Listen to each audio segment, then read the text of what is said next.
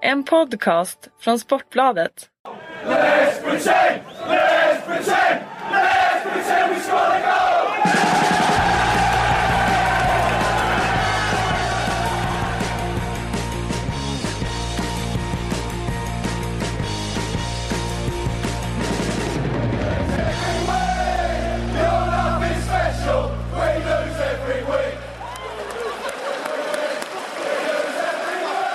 Ja men då hälsar vi väl välkomna till Sportbladets Premier League-podd. Mitt namn är Patrik Syk. Eh, första Premier League-podden för den här säsongen. Kalle Karlsson sitter mitt emot mig. Eh, du är ju här som vanligt. Får Ja man kan man säga. säga. Du är tillbaka med pompa och ståt. Eh, efter, eh, ja hur länge har du varit borta egentligen? Ett halvår? Jag har varit borta ett halvår. Ja. Så är det.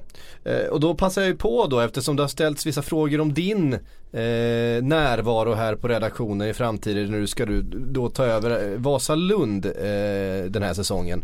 Det blir väldigt spännande att följa. Vi har fått en fråga om det här från Alexander Karlsson. Jag tänkte jag ställer den till dig då. Ja. När vi ändå är inne på ämnet. Eh, PLP-framtiden i fara på sikt. Tänkte ju med eh, Kalle Karlssons uppdrag i Vasalund. Du får väl bara svara på det. Ja, nej men eh, PLP kommer att eh, eh, köra på. Eh, jag har ju tagit paus från min blogg då efter eh, ganska många år och den, eh, det uppdraget det har jag lagt på is och jag har även tackat nej till att jobba i kanal 9 eh, nu i vår här för, eh, i Europa League-studion. Men det är egentligen bara bloggen och eh, kanal 9 som eh, jag har eh, eh, lagt ner nu. I övrigt kommer jag jobba på som vanligt. Och det är inklusive Premier League-podden. Underbart, jag, jag gillar verkligen hur du prioriterar. Ja men podden ska vi hålla i. Ja, det ska vi verkligen göra. Och det är så här att eh, till den här veckan så har vi fått ett helt nytt inslag. Eh, vi har nämligen fått en tipstelefon. Vi är tillbaka på 80-talet alltså. Välkomna in till 2017. Eh, jo men så är det. Vi har fått ett eh, telefonnummer. Man kan alltså ringa in och ställa sin fråga om det är så att man inte finns på Twitter eller Facebook eller om man helt enkelt bara tycker att det skulle vara kul att få höra sin röst i det här formatet. Eh, det finns ju inga garantier att man kommer med förstås men man ska komma ihåg att allting som spelas in där kan komma att användas. Och då kan man alltså ringa till oss på nummer 08 725 2143. Vi ska väl skriva det här också på vår Facebook-sida och sådär så att man eh, kan kolla upp det. Men det är 08 725 2143 kan man eh, ringa in och så kan man ställa sin fråga eller bara reagera. Jag tänker mig att det här ska göras i affekt. Direkt, eh, liksom direkt efter domslutet eller direkt efter målet. Då tror jag vi får, gärna, äh, nu ska vi inte uppmana folk till att dricka alkohol. Men ehm, Nej lugn nu. Eh, men vi får se vart det tar vägen och vi ska faktiskt inleda. Vi har fått ett, eh, en fråga ställd på vår telefon. Eh, och vi kan väl ta och lyssna på hur det lät när eh, Johannes ställde en fråga. Ja, hej, mitt namn är Johannes. Eh, Jag har precis börjat kolla på Premier League och jag undrar eh, om man kan göra någon slags rangordning av de olika kupperna prestigemässigt. Vilket är bäst att vinna av FA-cupen, Engelska ligacupen, Community Shield och så vidare. Välkommen till eh, den engelska fotbollen får vi väl hälsa Johannes då. Ja. Eh, det, det, det, det är ett fantastiskt intresse man kan ha och, och följa den här eh, ligan. Eh, jag har en liten tes, jag tyckte det här var en, eh, en intressant fråga av en eh, Annie för att jag har en liten tes kring detta. Ska jag liksom bara fylla på med den eller vill du svara först? Ja, först kan jag svara Först då, svara då. slå fast att FA-cupen är ju fortfarande den tyngsta eh, av eh, Mm. de engelska cuperna. Eh, traditionsrik, eh, världens äldsta fotbollsturnering. Eh, så att eh, den står i särklass i det här sammanhanget. Ligacupen har eh, eh, tappat i status. Samtidigt har den funnit sin plats i och med att det har blivit en turnering där man kan släppa fram unga spelare. Och eh, det har gjort att den, eh, tycker jag, blir väldigt spännande första omgångarna i ligacupen när man får bekanta sig med nya talanger. Eh, Community Shield ser jag fortfarande som en parentesmatch som, eh, ja, den sparkar igång säsongen i någon mån men det är ju en... Det är ju mest för att man är så, så hungrig efter fotboll Ja som man precis, det är tittar mer på det. för att det blir ju inte på riktigt heller när man får göra sex byten och det blir som en upphottad träningsmatch. Så att, eh, ja, jag skulle nog säga att eh, den, den skulle man kunna göra eh, tyngre genom att spela med korrekta regler, tre byten och så vidare. Mm. Eh, och då har jag då en liten tes kring detta och det handlar ju om hur eh, på något sätt fotbollen har utvecklats eh, de senaste åren. Där jag tror, alltså jag håller ju verkligen med dig om hur, hur statusen ser ut och det är onekligen så, jag menar FA-cupen är av alla de inhemska kupperna i världen den mest prestigefyllda att vinna skulle jag vilja hävda. Just med tanke på att det är den äldsta fotbollsturneringen eh, som finns och sådär. Men just med tanke på hur de ligger på säsongen. Alltså vi såg ju nu i helgen hur eh, framförallt storlagens tränare prioriterar. Vi såg ju Jürgen Klopps eh, laguttagning. Det var egentligen Emre Can och Origi som var enda startspelare. Och det, inte ens de är ju egentligen startspelare Nej. om han får ta ut eh, sin startelva. Eh, med alla friska. Så att det, det var ju egentligen, det var, jag tror det var den yngsta startelvan som Liverpool någonsin har startat. Och då var ändå Lukas Leiva med. Ja, Ehm, kan stämma. för att FA-cupen kommer i ett skede på säsongen där det är så mycket annat att spela om. Och vi har Eh, i den bästa av världar så har vi sex utav lagen nu ska spela Europa snart, alltså det är Champions League och det är Europa League. Eh, vi har precis kommit från en ganska tung eh, liksom period över jul med mycket matcher. Eh, vi liksom laddar inför ett upplopp på, på, på ligan som ju förstås är det viktigaste. Eh, medans ligacupen ligger i ett skede på säsongen där man inte har lika mycket. Eh, det har inte kommit lika för mycket förslitningsskador.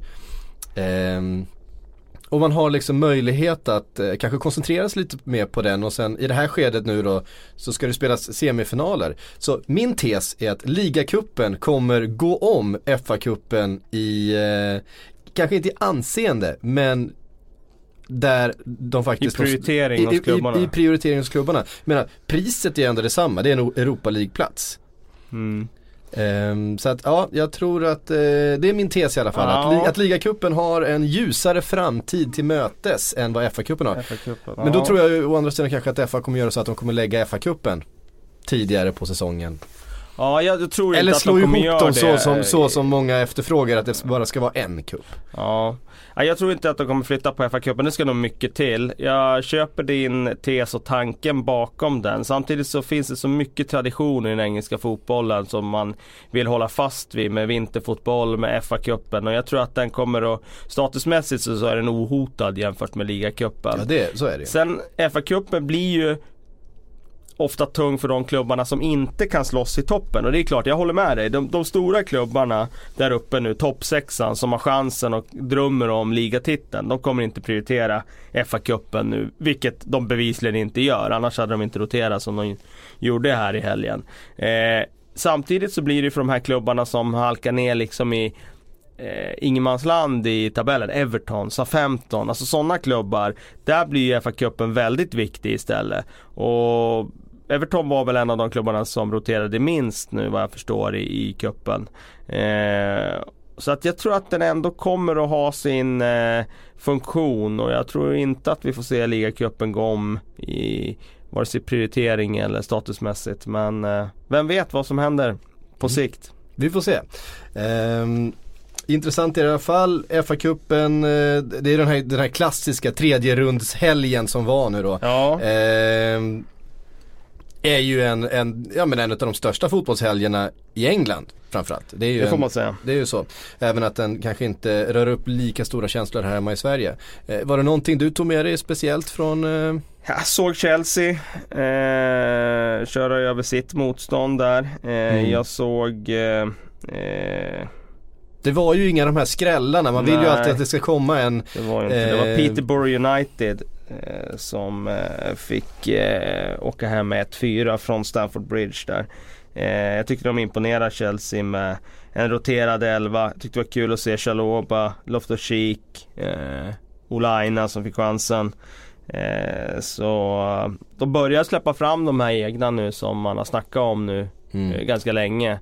Och eh, jag hoppas någon av dem kan etableras i elvan också men jag tyckte jag gillar lite det jag såg av Loftus Cheek. Han har bra driv med boll när han eh, kan gå förbi och ta fram bollen en 15-20 meter i plan sådär. Mm. Ja verkligen. Snackas ju nu om att de letar efter en utlåning till honom för resten av den här säsongen för att han ska få mer speltid. Det är rätt Mm. svårt att slå sig in på det där mittfältet nu när Det de är det inte ju. har Europaspel och här saker är det heller svårt som- för en sån kille också att få de minuterna i Premier League. Alltså det, Mm. det kommer ju alltid konkurrera med bra spelare i Premier League. Spelar ingen roll om de går till Hull City. Det är i alla fall bra spelare där du konkurrerar med. Så att, mm, svårt att hitta var en sån spelare bara ska hamna för att få de där minuterna. Då är du nere i Championship och då är du nere i, Mm. i Eredivisie och då är du inne i den här lånekarusellen igen. Och då, är- då är steget stort att komma tillbaka sen igen. Och även man vill ju någonstans emulera det som han ska göra i Chelsea sen. Man vill vara i ett lag som, som har mycket boll till exempel, som spelar på ett visst sätt, som ett vinnande lag. Jag menar det är inte så kul att åka iväg fyra månader och förlora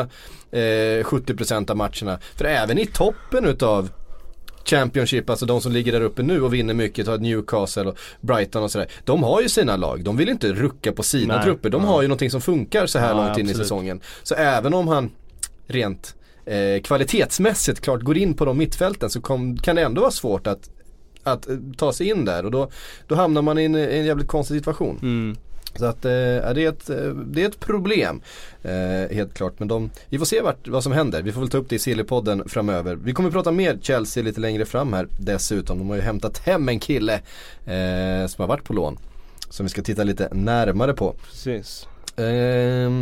Men som sagt inga stora överraskningar i eh, FA-cupen. Det var väl kanske att Plymouth eh, lyckades hålla nollan då mot Liverpool. Det var väl ehm, the slip-up utav de, större lagen. Ja, Samtidigt så, så eh, har man en eh, ligacup-semifinal att spela på onsdag och sen ett möte med Manchester United på söndag. Så att eh, det fanns ju en anledning till varför det roterades på det sättet som det gjorde. Eh, nu åker man på att spela en match till istället, vilket Ja. Jörgen Klopp antagligen inte ville. Nej det vill han nog inte och nu börjar ju de här skadorna komma lite för Liverpool. Mm. Så, eh, så det blir intressant att se nu hur de parerar ett omspel i FA-cupen och sen här. Jag skulle tro att det blir Tuffa matcherna som ungefär nu. samma startelva Säkert. borta mot, mot. Plymouth. Han kommer spela, spela kidsen.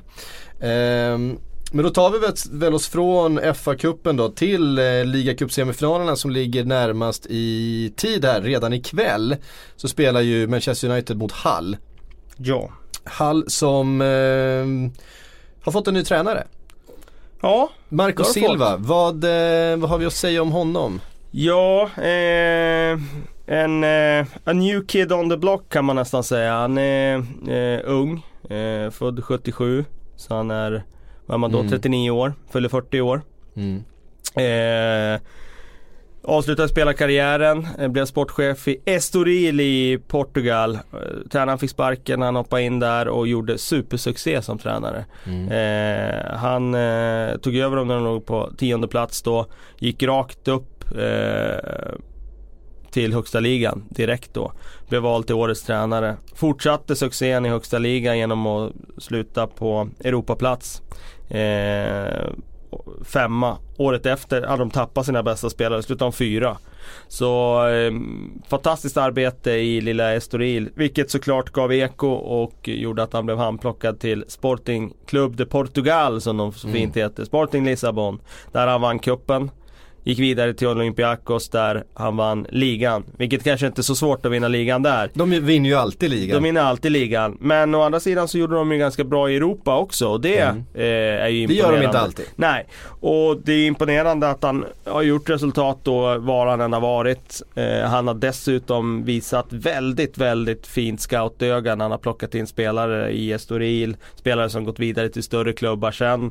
Eh, och även det, det är svårt att eh, liksom slå fast att det är på grund av honom. Men spelare har presterat under honom. Sen när de har bytt miljö så har de inte presterat lika bra. Och sen har han kommit till exempel med Jefferson som var då i Sporting Lissabon när han tog över dem. Ja men då börjar han prestera igen. Så att han har eh, nog både ett bra scoutöga, han har eh, både ett öga för vilken fotboll han ska spela för att få ut mesta materialet.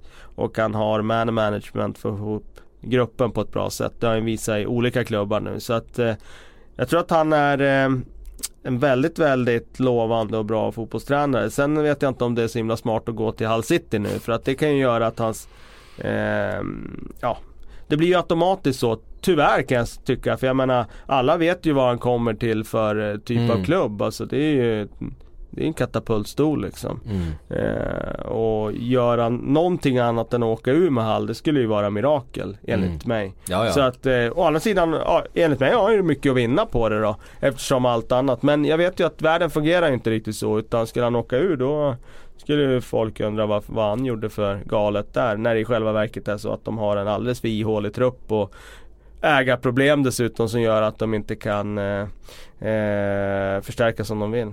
Ja det känns ju ska man säga, det känns ju som ett märkligt karriärsval, jag håller verkligen med om det. Det känns som att han borde tagit liksom ett, du vet ett lag på övre halvan i Spanien och så här. Det är ganska mycket lugn och ro ändå. Mm. Han får spela med eh, bra fotbollsspelare, det blir liksom eh, det, där, det, alltså det där kaoset som råder i, i Hall. Ja. Det, Men jag kan kanske- ändå, jag kan ändå sådär eh, liksom förstå hur, hur han tänker och sådär. För jag, det är ju sådär alltså, du måste ju ibland gå utanför din trygghetszon.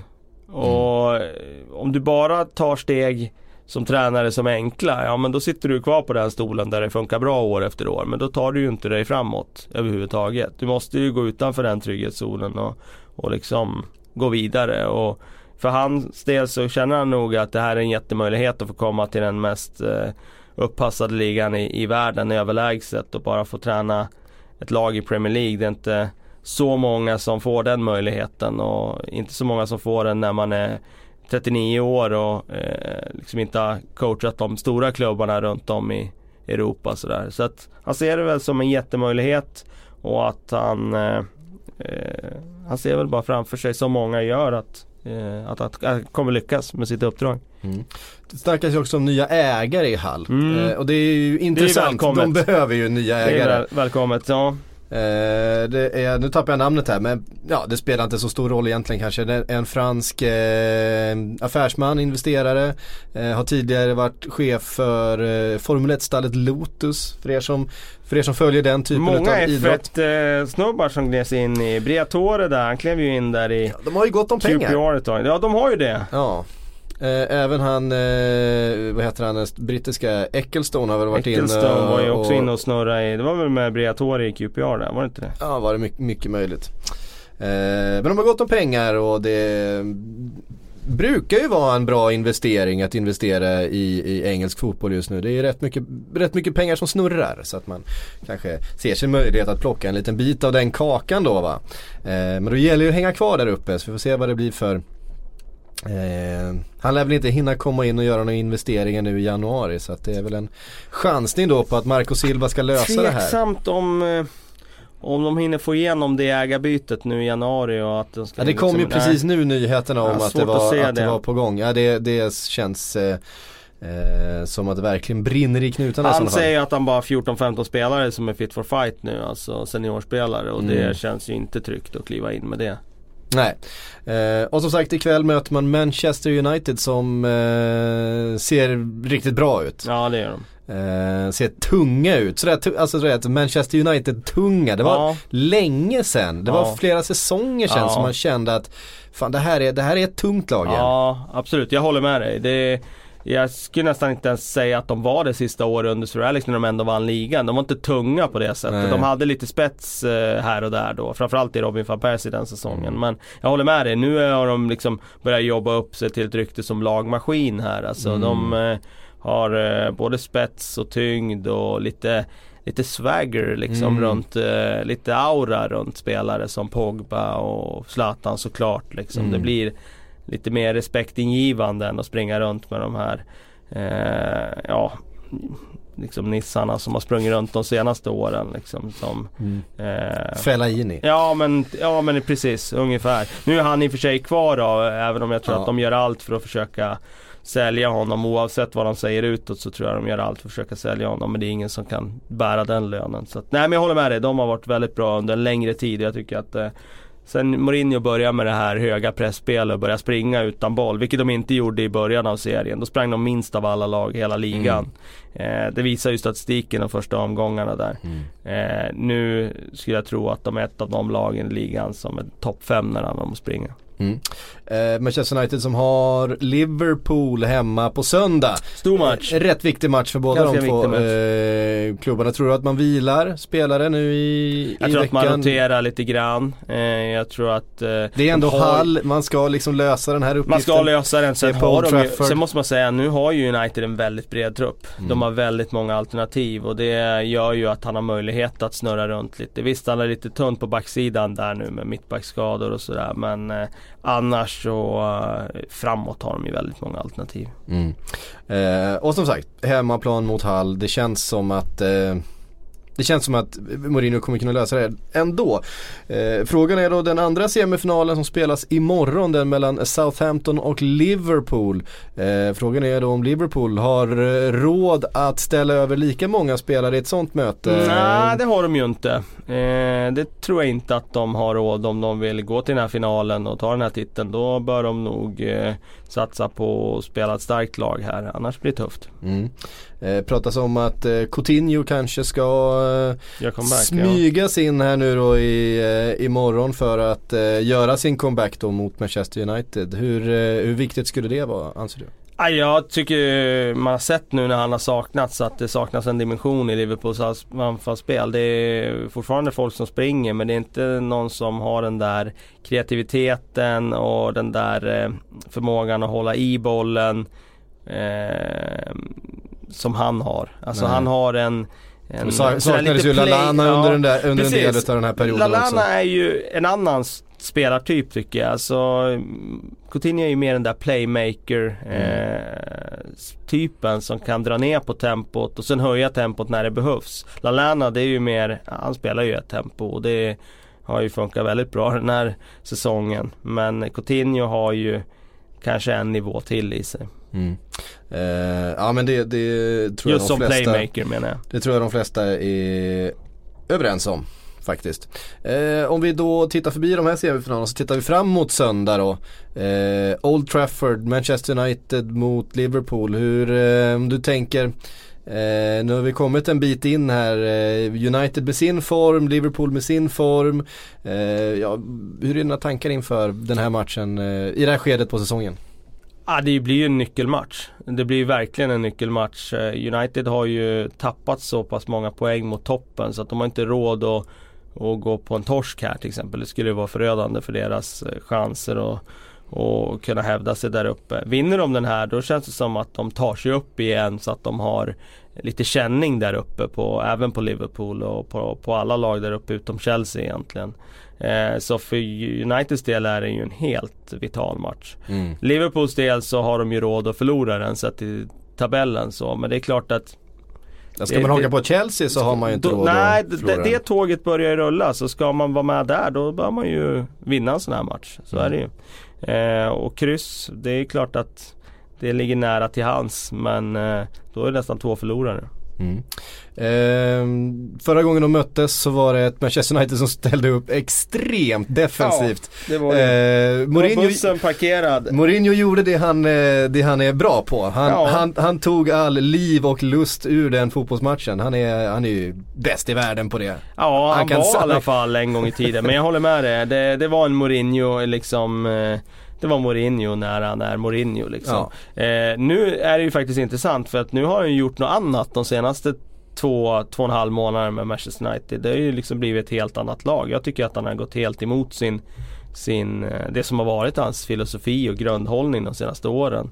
Eh, liksom, de utgår inte längre från motståndet utan de utgår från sig själva. Och därför blir det jätteintressant att se den här matchen med Liverpools höga pressspel och Uniteds höga pressspel. Det kan bli ett enormt tempo i den här matchen. Det kan bli en, ja, det kan bli en batalj där det går så fort som det bara kan göra i, i toppmatcher i Premier League egentligen. Mm. Ja, det ska bli väldigt eh, speciellt. Vi har ju sett också att eh, Jürgen Klopp har gjort nästan tvärtom vid tillfällen och dragit ner lite på tempot och eh, flyttat lite längre tillbaks när han Mm. tyckte, tycker att han inte kanske haft materialet eller Ja, han varit lite mer cynisk i eh, sina matchförberedelser. Så ja, det ska bli väldigt intressant att se. Vi såg det framförallt då mot Manchester City. Ja. Ehm, där det blev eh, resultat.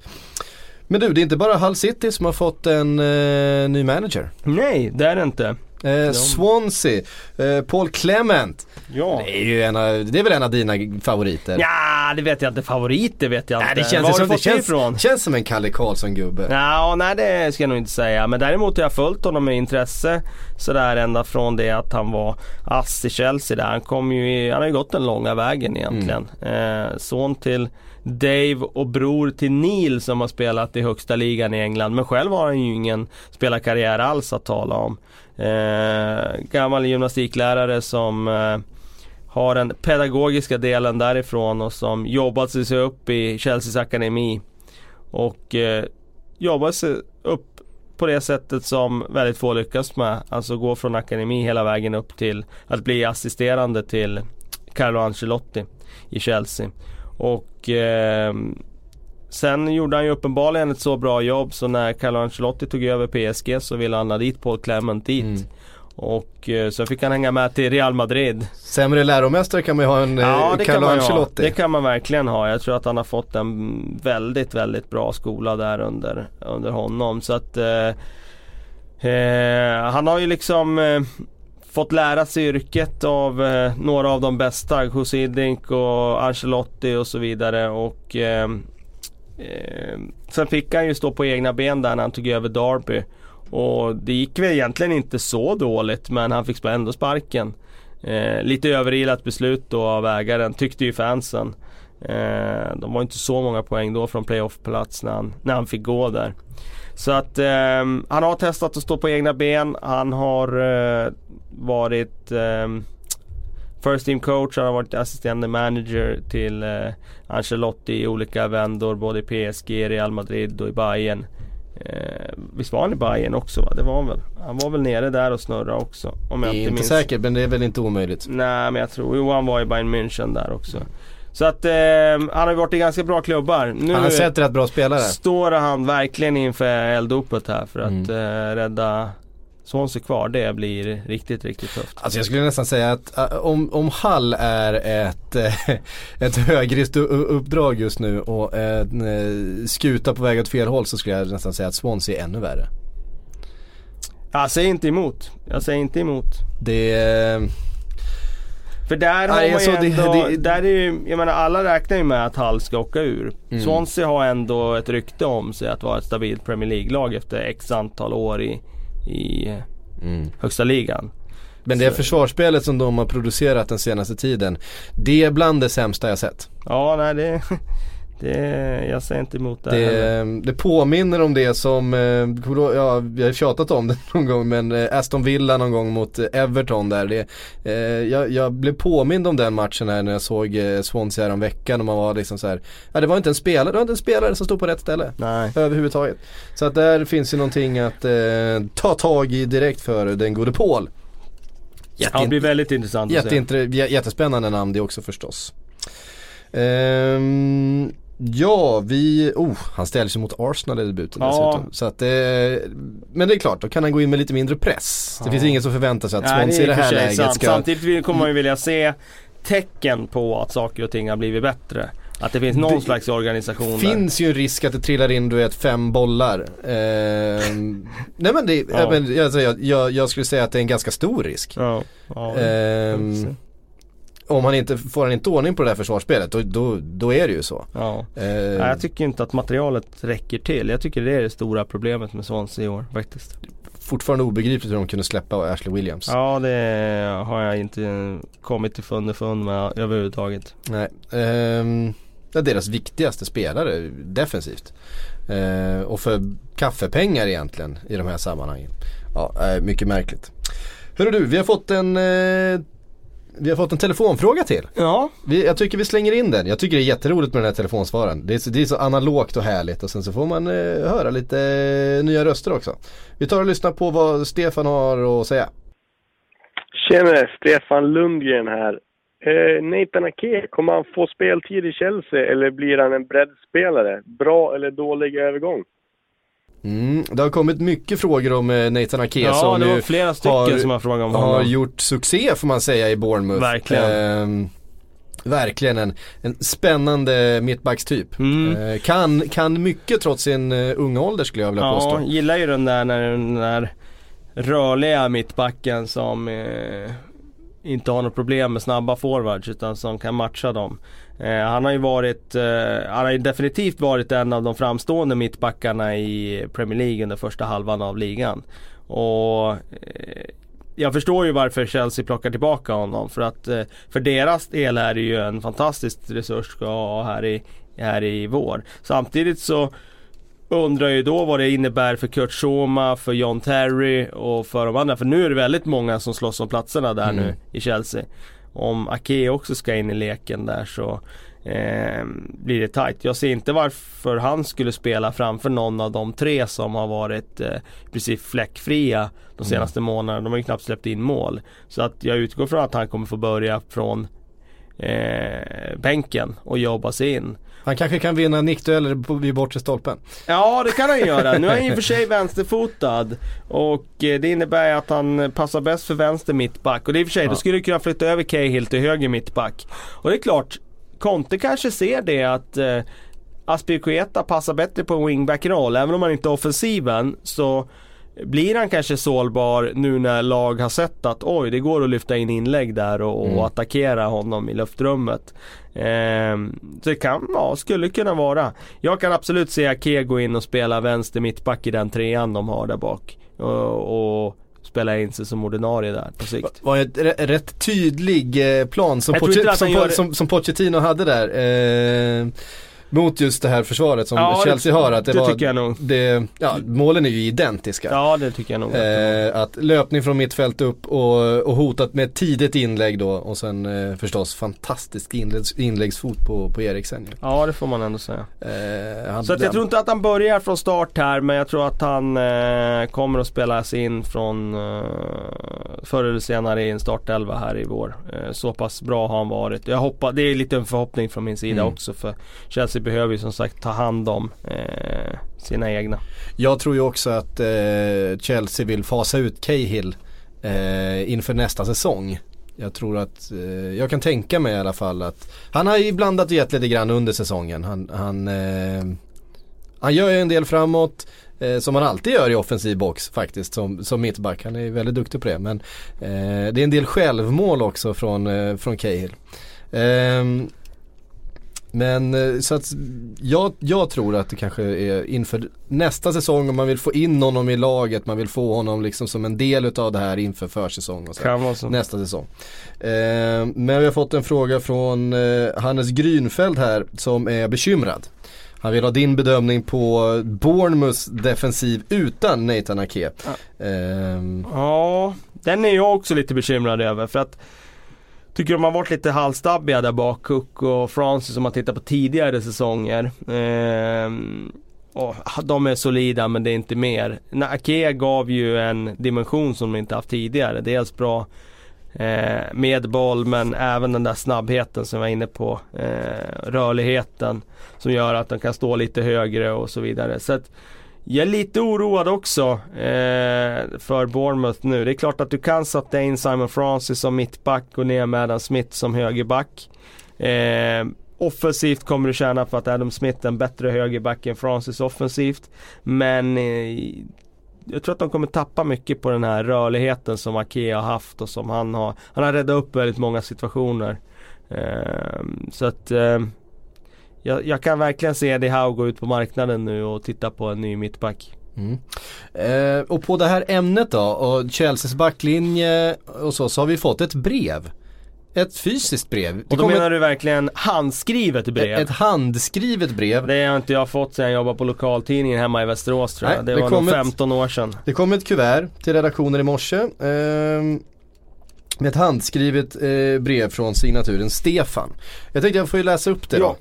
Ehm, och då står det så här. Äntligen tog Chelseas segersvit slut för visst eh, kan vi en gång för alla begrava allt snack med att Chelsea spelar med en trebackslinje.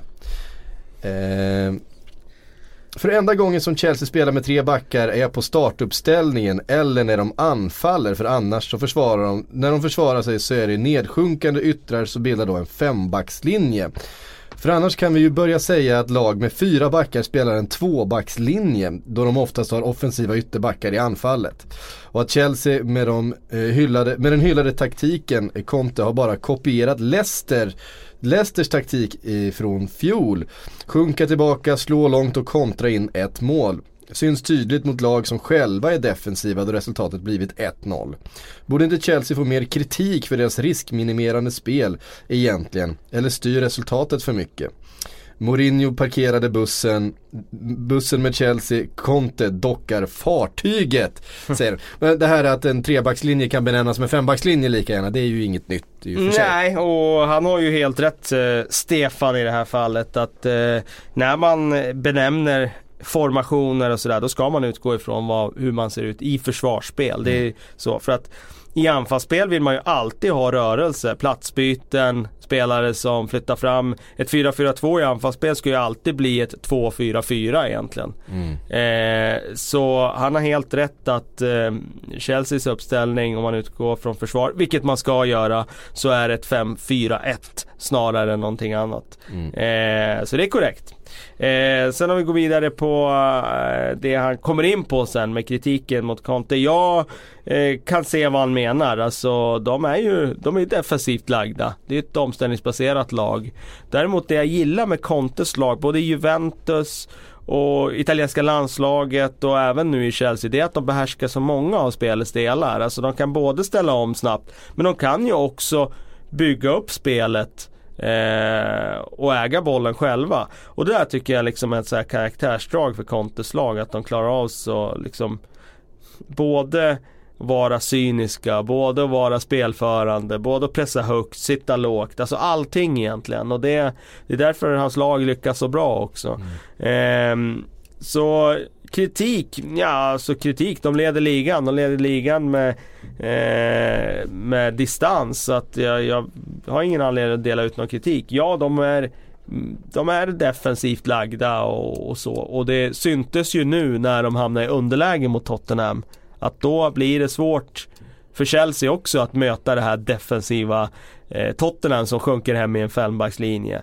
Det är ganska tydligt det där att eh, sådana här lag med fembackslinje, jag kommer ihåg det var något VM här när jag höll på att analysera det där. Det var ju så, det är så extremt svårt att hamna i underläge mot sådana lag.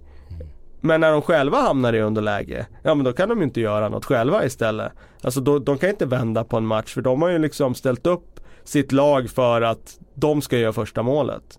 Och det tror jag det kommer vara eh, för många av de här lagen som spelar på det här sättet. Mm. Eh, nu har vi fått eh, frågor eh, via telefon och via snigelpost. Ska vi ta några frågor som har kommit in den digitala vägen också? Ja, de flesta frågorna kommer väl trots allt via Twitter fortfarande. Och det, Så är det. det känns väl vettigt att vi jobbar med de kanaler som ändå känns lite mer 2017 än brevskrivande. Även om det var kul att få brev från Stefan här. Ja, eh, alla sätt är bra.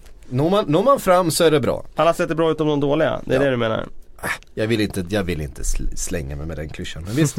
eh, Mattias Dahlström eh, skriver, du var inne på det lite eh, förut. Finns det risk att Klopp med sin högenergifotboll kör slut på Liverpool? Skadorna börjar komma nu till exempel.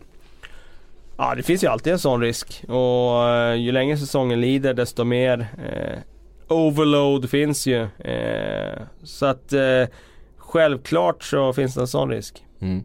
Um, det Får vi se om, om de kan parera det i år eller de, de slipper ju Europaspelet. Ja precis och det är ju jätteviktigt. Mm. Men då undrar man också så här, hur hade de klarat Europaspel? Om de hade haft det också. Precis. Det är lite intressant för de har alltså spelat matcher bakom stängda dörrar eh, på Champions League-kvällar för att simulera Champions League-spel för att förbereda spelarna inför Europaspel eh, ja, nästa okay. säsong.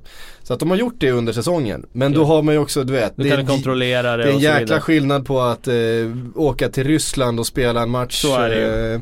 Eh, eh med allt vad det innebär. Och ja, menar, ja, en match bakom stängda dörrar då kan du liksom byta hur du vill och du kan rotera visst. och så vidare. Det finns liksom sådär. Men det i alla fall finns ett, finns ett eh, tänk. Eh, vilket är lite intressant. The Gigi Gooner skriver, eh, behöver Gunners värva en mittfältare nu när Coquelin är borta några veckor och El Neni är bortrest? Det blir väl en diskussion om Xhaka också, ja. huruvida han... Eh... Man vill ju tro att han ska kunna gå in och ta befäl där. Han har och... ju inte varit så lyckad Nej, som i alla fall jag trodde att han Nej, skulle vara. Jag trodde också att han skulle vara bättre än han varit. Eh, men det blir ju, jag tror inte att de kommer värva. Det tror jag inte. Nej, det tror inte jag heller. Eh, Wenger kommer att visa förtroende för de spelarna som finns. De har ganska många val där och mm. jag kan se Xhaka eh, växa nu när han liksom, det är nu han ska eh, kliva in och verkligen mm. eh, ta ansvar. Så att eh, jag tror och hoppas att han gör det. Mm. Och det innebär då att de inte behöver värva. Men det är klart, jag håller ju med han som har skrivit här, jag vet inte vad han hette nu. Eh, Gigi Gooner ja, han hette. Att eh, Coquelin är ju ett jäkla avbräck alltså, så mm. är det ju. Det är han som eh, städar allra mest effektivt där. Ramsey kommer ju vara där också. Han blandar ju och ger eh, kan man Stämmer. säga. Eh, framåt brukar det, brukar det se bra ut, bakåt kan det Ja ibland. lite si och så. Ja. Eh, Sebastian Persson eh, har en fråga kring det här också. Han undrar, skulle inte Xhaka fungera mycket bättre som en regista istället i Arsenal? Att han verkligen får den eh, Ja då använder man ju hans kvaliteter mer snarare mm. än att vara den som eh, det, Vi spelar ju inte Arsent så riktigt. Nej, och ja, jag tycker ändå de gånger man får se att han får stå och styra lite grann, då har, han har ju en bra passningsfot. Det, det är ingen tvekan om det. Eh, sen är det menar, de har ju sånt flödande spel Arsenal har alltid haft liksom, vill involvera många. Jag kan inte se att det är någon spelare som kommer in och ska vara någon där allt ska gå genom honom. Utan det är ju mer en, en eh, symfoniorkester som mm. ska liksom eh, uh, ja, man ska komplettera med varandra istället. De ska ju kort, en, en touch spela sig in på mållinjen. Helst. Det är ju det är idealet. Eh, Arvid Karlsson skriver, vilka spelare eh, är viktiga för sina lag utan att få de stora rubrikerna? Eh, det där är ju alltid intressant, ja, tycker, jag. intressant tycker jag. Eh, nu får ju visserligen, tycker jag, alltså min favoritspelare kanske den, eh, min favoritspelare alla kategorier eh, utanför Liverpool får jag väl erkänna mm. då, är ju Michael Antonio i, i West Ham. det, det, är någonting, det är någonting Homer med, Simpson, ja, men det är någonting med honom. Det, ja. Han verkar ju vara, dels vara en väldigt skön eh, person. Ja det verkar han ju vara. Eh, men dessutom att det, det är någon, det är som brist på på kvalitet men att han alltid levererar. Ja. Det, leverans är, är liksom ordet på honom. Alltså han har ju en helt jäkla unik förmåga att komma in i straffområdet, dyka upp på rätt ställe och, och vara effektiv. Mm. Och han gör ju fler mål än vad de flesta eh, liksom yttermittfältare gör i ligan. Eh, är ju väldigt, väldigt målfarlig. Sen West, kan West Hams bästa målskytt Sen kan han ju se ut som en League 2-spelare ibland om man tittar rent på hans tekniska kvaliteter. Men eh, jag håller med dig, jag gillar honom skarpt och det är klart att han i förra säsongen då var han ju en av de mest underskattade i ligan. Jag tycker så här som Cesar Aspilicueta är fortfarande underskattad. Mm. Eh, visst, nu blev han eh, blottad här mot Tottenham och de gjorde två mål i hans yta. Men om man tittar på hur bra han har varit innan dess så tycker jag inte han får den crediten han har förtjänat under den tiden. Tycker David Luiz att den här säsongen har varit underskattad för han har ju varit lite av en skämtfigur och man har raljerat över honom. Men oj vad bra han har varit för Chelsea i år när de har stängt igen där bak. Tycker fortfarande Michael Carrick är eh, gravt underskattad. För att han springer minst i, i laget men han springer smartast och han eh, är ju den som får alla andra runt omkring sig att liksom ticka och han syr ihop det där eh, anfallsspelet genom att sätta den första passningen med tydlighet och väl avvägd och han spelar på rätt spelare och eh, värderar mellan långt och kort och sådär. Så att han tycker jag är deras mest värderade fortfarande.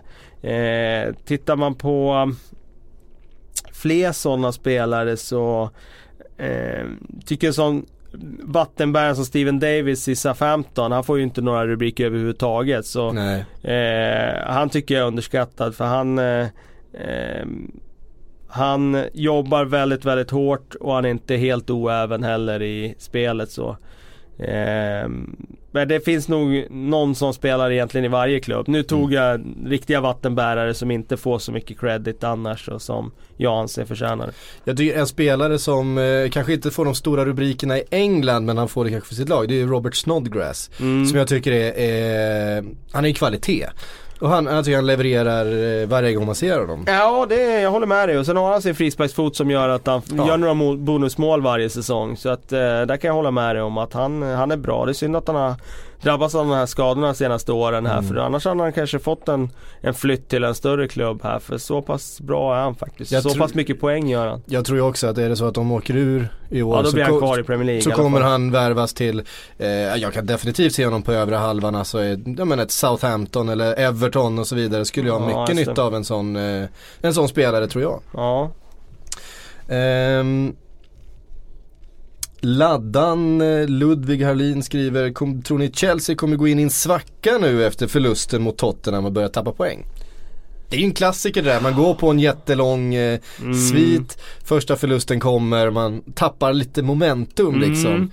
Ehm, och så ska man börja dra igång det där igen. Men Ja. nu har ju de, de, de har haft sånt flyt hela säsongen Ja, med så spelschema och vilka vet, motståndare har- som kommer. Allting har ju liksom fallit deras väg. Så är det ju. Nej men jag kan nog se att det blir lite tuffare här nu och jag har ju sagt hela tiden att det kommer bli tight in på mållinjen. Eh, så att jag får stå för det och jag eh, tror att det kan bli något kryss här och där nu. Och Leicester borta i helgen. Ja, det, är det- det, är ingen, det är ingen jättelätt match. Nej det är det inte.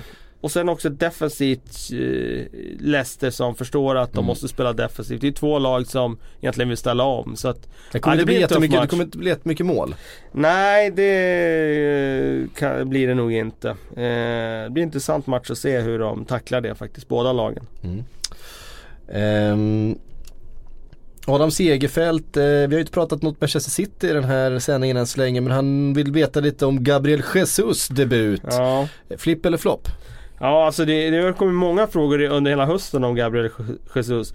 Jag ska ärligt säga att jag har inte sett honom tillräckligt mycket. Eh, jag har egentligen mest läst om honom och jag, jag har inte eh, Jag har inte sett honom tillräckligt för att bedöma var han står i när han går in i, i City-hierarkin så att jag Vågar inte svara på det faktiskt. Men eh, ge oss någon vecka här när han har anslutit till truppen och gjort någon match så kan vi återkomma till Gabriel Jesus. Mm. Ehm, vi har fått en fråga på Facebook också, vi finns ju där. Man kan, man kan ställa frågor eh, även den vägen. Eh, ska vi se, ska jag ta fram den? Den hamnade lite, där har vi den. Det är från Victor, Victor Cesare Terje Steifler, bra namn. Det är bra namn. Ehm, hej gänget, eh, vill inleda med en bugdjup nu kan inte bra djup bugning för den underbara underhållningen de senaste åren. Eh, jag har lurat på en sak som jag är grymt nyfiken på eh, och vår åsikt kring. Tycker ni inte fotbollen fattas en hockeyassist? Med det menar jag den and- en andra assistpoäng som delas ut likt den i hockey. Många av målen som görs i den internationella toppfotbollen är skapade av spelaren som ej lägger den avgörande passningen. Eh, Jag tycker många spelare missar poäng som de är värda. Eh, och jag kan väl bredda den frågan lite mer då. Eh, finns det någon eh, statistik som du tittar extra mycket på? Jag tänker det finns ju passningsprocent och det finns eh, vunna eh, närkamper och så. Det beror ju lite på vad det är för position förstås. Mm. Men det är klart att man tittar kanske inte lika mycket på mål om det är en mittback eh, som om det är en, en anfallare förstås. Eh, många olika sorters statistik. Men hockeyassist till att börja med, är det något Ja. som du brukar registrera? Nej, det brukar jag faktiskt inte göra och jag ser kanske inte riktigt samma behov av det. Däremot så finns det spelare som drabbas av det. Jag tycker Luka Modric är väl den riktiga Mm, hockey- hockeyassistspelaren. ja. Och jag håller med om att han drabbas av det. Det är klart att han skulle få många andra assist. Jag tycker tvärtom att eh, de är alldeles för frikostiga i ishockeyn genom att dela ut andra assist. jag tycker man eh, borde ha tagit bort det där istället. Eh, så nej, jag är nog inte någon fan av andra assist eh, idén. Eh, givetvis finns det mål där Modric har eh, vänt bort någon på mitten, slagit ut en perfekt macka ut på kanten och så kommer inlägget och så får han ingen liksom, pinne i statistiken. Men det finns ju också massor av mål där andra assisten är helt oväsentlig. Eh, där det är en passning i sidled i backlinjen. Och då är frågan så här, ska den andra assisten Eh, Jag tror, jag tror skadan är större än nyttan här helt Mm. enkelt. Så nej, jag vill inte ha några andra assist. Eh, Statistik, ja det finns ju mycket statistik som eh, är intressant att kolla på när man väl är inne och grottar i de här siffrorna så. Det är klart att eh, det är intressant om man är en Kanté-typ och tittar på hur många tacklingar man vinner, alltså närkamper man vinner. Det är intressant att kolla hur många brytningar, interceptions man gör. Och det är inte, tycker jag, intressant i den enskilda matchen utan mer vad ligger du på för snitt i över 20 matcher? När du har ett snitt och du kan se att ja, men den här spelaren ligger på eh, i snitt en, två brytningar mer än en vanlig mittfältare per match. Ja men då kan man ju utläsa någonting av det. Eh, jag tycker det är intressant med eh, till exempel med, med från ytterbackar och yttrar och med crosses. Alltså hur många av dem är lyckade, hur många når en medspelare. Jag tycker det är väldigt intressant med key passes, alltså eh, skapade chanser och eh, ja, så vidare. Create, chances created var ju mode, eh, säga, modestatistiken här eh, ja. för ett par säsonger sedan. Ja, var. Eh, spelare värvades på den statistiken i stort sett. Vi ska se här, jag tror, är det chances created, är det då skottet ska gå på mål? Och är det key passes inte... som eh, innebär att det är ett avslut bara? Jag tror det är så. Jag är inte helt säker. Jag är inte helt det, är, säker det, det är skillnad mellan dem där i alla Var det det Ross Barkley som hade så extremt mycket chances created eh, första Känner säsongen där? Eh, jag tror det var så. Det var ja, nej, men jag, jag, jag tycker att den är intressant för offensiva spelare. Mm. Eh, det innebär ju att man har varit den spelaren som kanske har gjort eh, eh, någonting för att det skapas en öppning för någon annan. Mm. Mm. Sen är det ju klart att eh, för vissa spelartyper är det klart att för en sån som eh, tar Jordan Henderson som har slagit överlägset flest passningar den här säsongen i ligan så är hans eh, träffprocent rätt viktig. Ja. Har han eh, 75 eller 80 procent eh, Absolut. passningar hans... som går fram. När han slår så många passningar så blir det väldigt stor skillnad. Hans uppdrag är ju att cirkulera bollen, då blir mm. procenten viktig. Eh, sen är det ju sådär med chances created och sådär att spelare som slår mycket fasta situationer, de hamnar ju automatiskt högt upp där. Leighton Baines hade ju flest skapade chanser i Europa någon säsong mm. här för fem år sedan eller vad det är, fyra år sedan. Och det var ju för att han dunkade in alla frisparkar, alla hörnor och så vidare. Och det är mm. klart att det blir mycket avslut från dem. Mm. Så um, man måste också gå djupare i siffrorna om man ska få ut någonting av dem. Mm. Man måste vända och vrida på dem lite grann. För som bekant kan man visa det mesta med statistik. Ja så är det. Eh, successful dribbles är en sån där som är rolig att titta på. Ja det är det. Eh, Absolut. Messi ligger ju ganska bra till i den statistiken kan jag meddela. Han är svårslagen. Ja det är han. Ja. Wilfried Zaha tror jag låg riktigt bra den här säsongen. Jag tror Ousmane Dembélé i Dortmund ligger bra till på dribbles. Jag var inne och kikade på det där. Han är vass mot den fötter alltså. alltså. Ja han är vass mot den. Eh, men jag tänkte i Premier League tror jag Wilfried Zaha låg väldigt bra den här säsongen. Även ehm, eh, det var någon annan som låg högt där förbi de andra. Eh, har inte skrivit upp det så att eh, då får jag skylla mig själv. Ja det får du göra. Eh, Magnus Berg, eh, gissar jag att han heter. är sannoliken störst att Spurs vinner Premier League eller att Niva vinner På spåret? Ja, det är nog nästan Niva vinner På spåret va? Jag har inte kollat alla avsnitt av det. Jag kan inte bedöma alla andra medtävlande som man har där i På spåret. Men eh, jag tror på Erik där så att eh, det är nog större chans. Ja, han gick ju på en eh, torsk. Han kommer in nästa vecka Erik till podden här. Eh, så då får vi fråga vad han själv anser om det här. Ja, det blir intressant att höra. Quality sleep is essential for boosting energy, recovery and well-being. So, take your sleep to the next level with Sleep Number. With a Sleep Number smart bed, you can individualize your comfort level and enjoy a better sleep night after night. JD Power ranks Sleep Number number 1 in customer satisfaction with mattresses purchased in-store. And now the Queen Sleep Number C4 smart bed is only $1,599, a saving of $300 only for a limited time. For JD Power 2023 award information, visit jdpower.com/awards. Only at Sleep Number stores or sleepnumber.com. Jo, Kalle, sen är det ju så här att du hade blivit kontaktad av Chelsea-supportrar som är upprörda. De är arga. Ja, precis. De är ju det. Det har ju blivit ett riktigt uppror i Premier League Sverige här mot Viasat och deras val av matcher nu. Och eh, Chelseas supportrar har ju drivit det här nu. Eh, skickat in någon skrivelse till Viasat om att de har prioriterat Zlatans matcher framför glödheta Chelsea.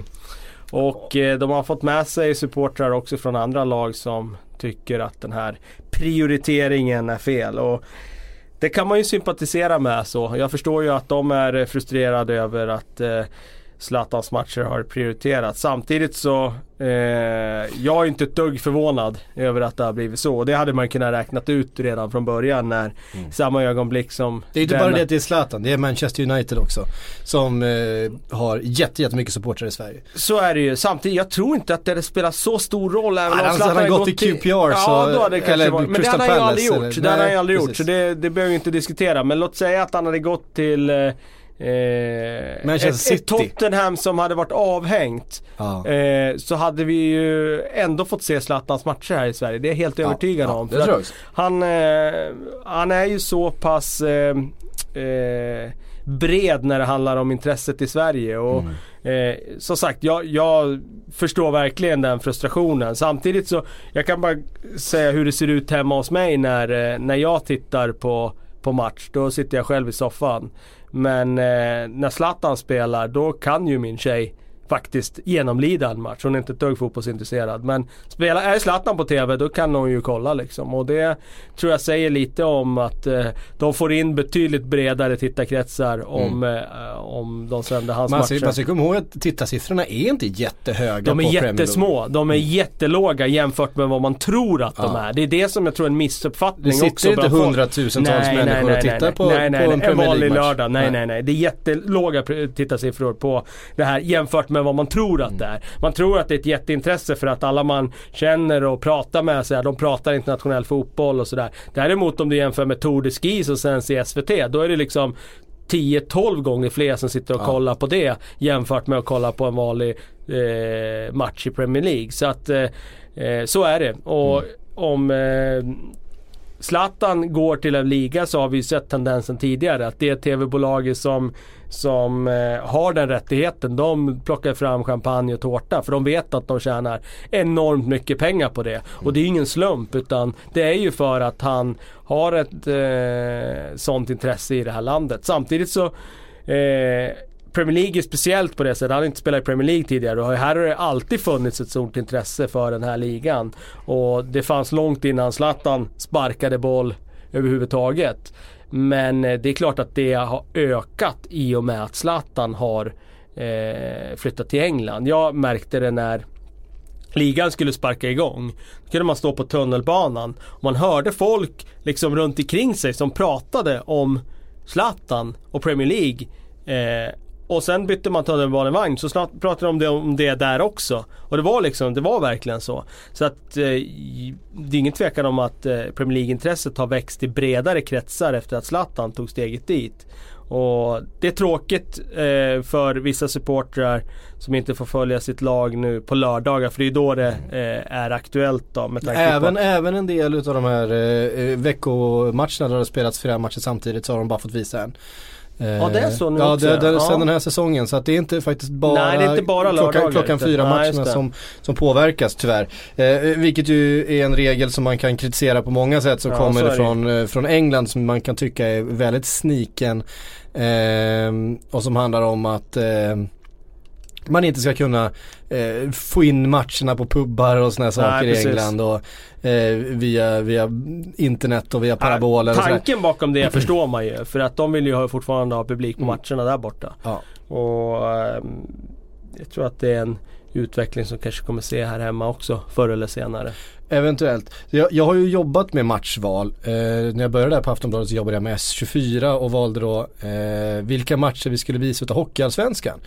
Eh, som ju förstås är en mindre skala men fungerar på samma sätt. Där ett av lagen som spelade var Leksand. Som hade överlägset flest supportrar. Eh, vi sålde flest pay-per-views när de spelade men det var inte nödvändigtvis så att de ledde serien. De kunde ligga en bit ner och Troja Ljungby kanske drog iväg. Och då var Troja Ljungby-supportrarna jättesura på oss för att vi kanske valde att visa Leksand mot Oskarshamn istället. Eh, för att det gynnade oss mer. Eh, och det där förstår man ju att, att supportrarna känner att det ska finnas någon slags korrelation mellan vart man ligger i tabellen och vad en, eh, eh vad intresset ska vara ute i stugorna. Men, men det är inte riktigt så det funkar. Man vill följa de, de lagen som eh, man följer normalt sett. Eh, och de största lagen i Sverige, de som har flest supportrar, det är ju Liverpool, det är Manchester United och sen är det Arsenal. Det, de tre lagen är ganska, Överlägset. ganska överlägset störst. Och Liverpool i särklass. Och Liverpool i särklass. Ehm, och det kommer ju vara det som väger tyngst för Viasat som har betalt oerhört mycket pengar för den här rä- rättigheten.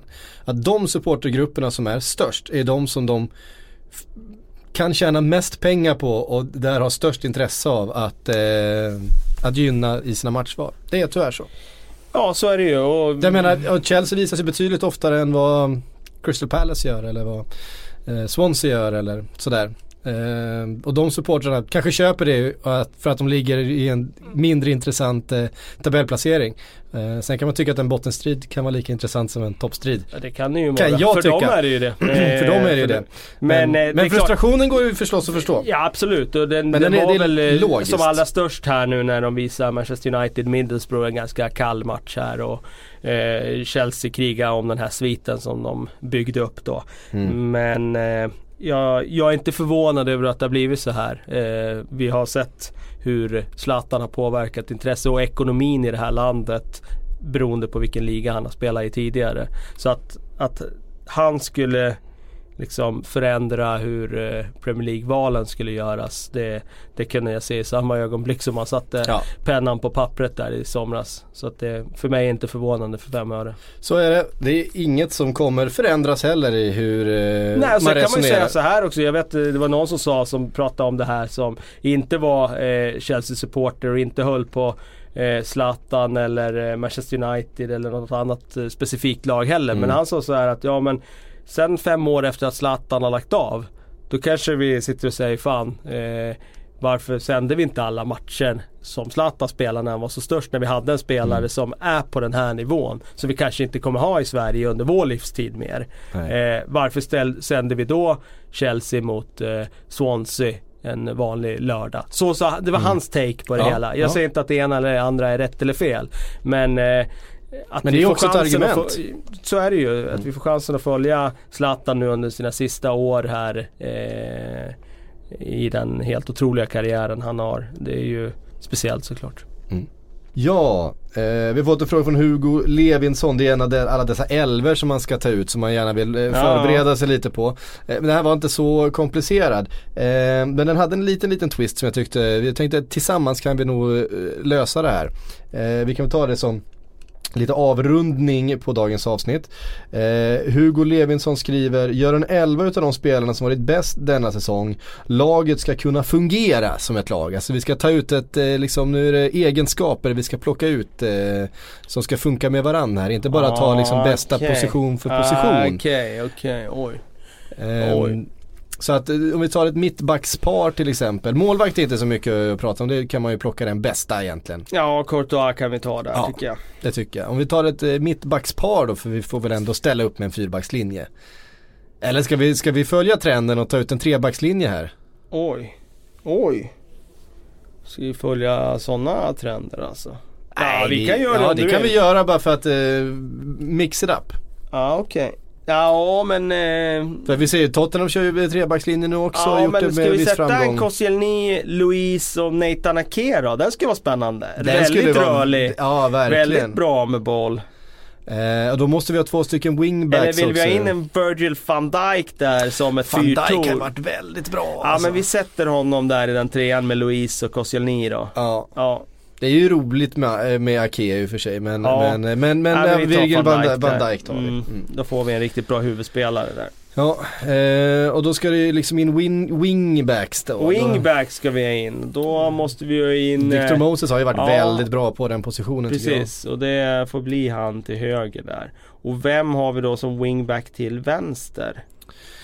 Eh, ja, i Tottenham till exempel har ju Kyle Walker sprungit där. Danny. Rose att Ja, alltså. Danny Rose menar jag på, Danny på Rose vänster. Danny Rose har varit väldigt till bra. vänster, det är, det är Mm. solklart. Ja. Och då vad vill vi ha för, vad vill du ha för formation sen på mitten då? Eh, En tvåa bara där på mitten.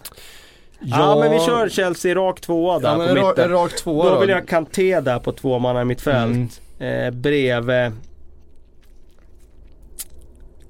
Paul Pogba faktiskt. Ska han, de- ska han in så djupt?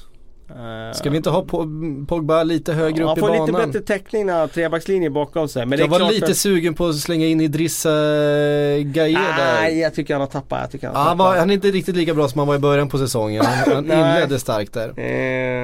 Eh, ska vi ta istället om du inte vill ha Pogba? Ah, jag skulle kunna se en spelare som eh, Moussa Dembélé på två man mittfält. Ja. På tal om eh, fina fötter som vi... Ja. Annars skulle man, det skulle vara spännande om vi snackar eh, liksom så, vilka som passar ihop. Kanté och Wanyama på samma två manna. Det skulle man inte vilja möta eller? Nej det har varit svårt att ta Ja. sig förbi. Ja men ska vi göra? Alltså det... mm, Det var lite cynisk fotboll Ja, här. vi, vi kör cynisk fotboll Ja. nu. Ja. In med Wanyama där bredvid eh, vår vän Kanté. Det blir ett svårmanövrerat tvåmannamittfält i den fysiska kampen tror jag. Då Eh, har vi tre platser kvar då. Tre platser kvar. Hazard ska ju in. Ja. Eh, Alexis Sanchez ska ju in. Så jag tror de på varsin kant där. Ja. Så vitt jag kan komma på nu i alla fall. Eh, Hazard, San- Sanchez, Mané eventuellt. Han är Ja. inte riktigt den spelartypen. Han, han, jag tror inte Han att vill slicka skulle- linjen med- Ja precis. Han skulle ju snarare vara en wingback i. Ja, Fast han, han, han saknar de eh, defensiva eh, Ja. egenskaperna. Eh, alltså nu kanske Diego Costa högst upp då. Ja, det tycker jag. Eh, det är han eller Zlatan. Mm. Eh, jag tycker Diego Costa kanske I ro om man ska plocka någon, precis just här kanske. Så avgör han ju alla matcher i, Ja, i men sista minuten. nej, för mig är Diego Costa och Zlatan det, det är en nivå. En eller två nivåer till. Så att eh, det är någon av de två för mig. Mm. Mm. Ja men där har vi det. Det, det blir ett, det Det blir ett svår, vår- svårslaget lag.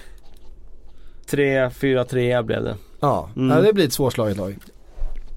Jag tror det faktiskt. Jag gillar den där, eh, det mittlåset där med eh, Kanté Wanyama. Ja, Det du är menar på mitten där. Ja precis, ja, det är mycket, mycket muskler. Mycket muskler och dessutom en terrier som Kanté. Så ja. Det Mm. är... Det är... Jag tror det skulle passa bra ihop ja. Den tar vi med oss. Hörru du, eh, det får runda av den här eh, veckans eh, Sportbladets PLP. Din comeback-podd. Ja, Vågar du lova nu att du kör hela 2017 ut? alltså jag eh, ska verkligen göra mitt bästa. Eh, nu är det ju så här att eh, man har tre stycken barn som är små ska gå på dagis och eh, du vet skola och sådär. Så att eh, vabben kommer ju komma men då försöker vi jobba runt den och eh, sen finns ju Mattias här som, eh, som en backup om det behövs. Eh, men visst, nu är man ju tillbaks. Så nu kör vi, in i kaklet. Nu kör vi. Ja, vi hörs om en vecka igen eh, mina damer och herrar. Eh, tills dess, ha det bra.